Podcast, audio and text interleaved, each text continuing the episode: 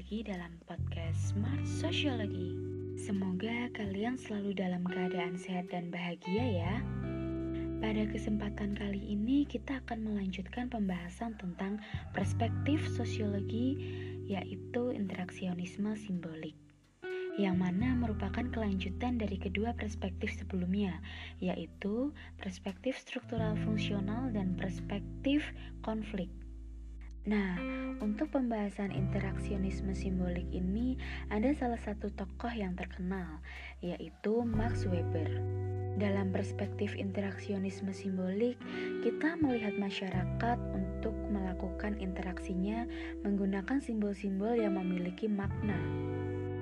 Simbol-simbol yang memiliki makna ini berbagai macam. Salah satunya berupa bentuk bahasa. Bahasa dapat kita lihat menjadi bentuk lisan maupun tertulis. Simbol yang selanjutnya adalah gestur.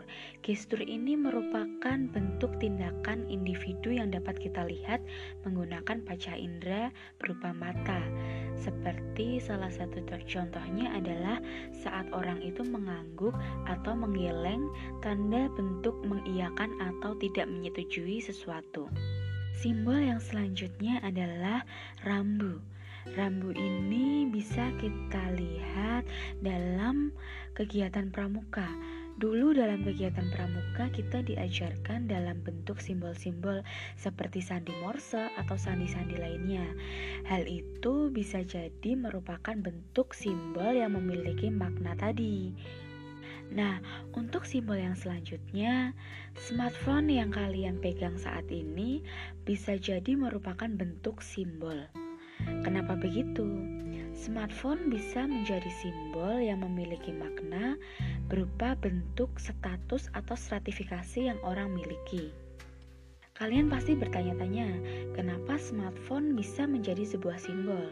Simpelnya, saat seseorang menggunakan smartphone dengan harga 50 juta dan orang lain yang menggunakan smartphone dengan harga 5 juta.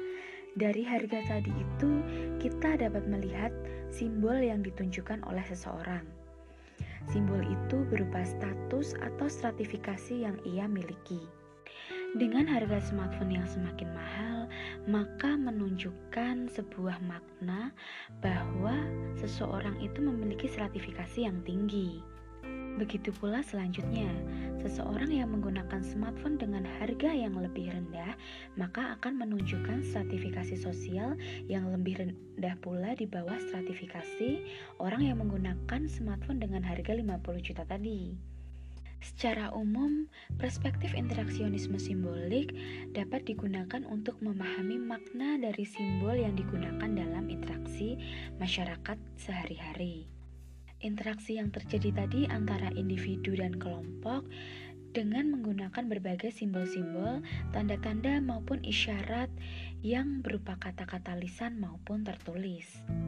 Tentunya dalam sebuah interaksi memiliki syarat-syarat yang harus dipenuhi, yaitu dalam sosiologi sendiri melihat syarat tadi menjadi dua, yaitu syarat kontak sosial dan syarat komunikasi. Nah, itu tadi pembahasan kita tentang perspektif interaksionisme simbolik, yang mana merupakan bentuk perspektif yang terakhir yang akan kita bahas pada segmen kali ini. Semoga teman-teman pendengar semua dapat memahami lebih lanjut tentang apa itu perspektif sosiologi.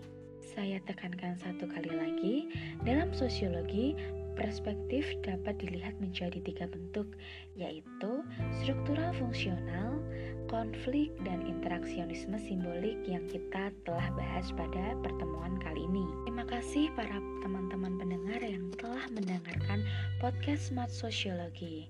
Semoga kalian selalu bahagia di mana pun kalian berada. Tetap semangat dan sampai jumpa dalam podcast selanjutnya. Dadah!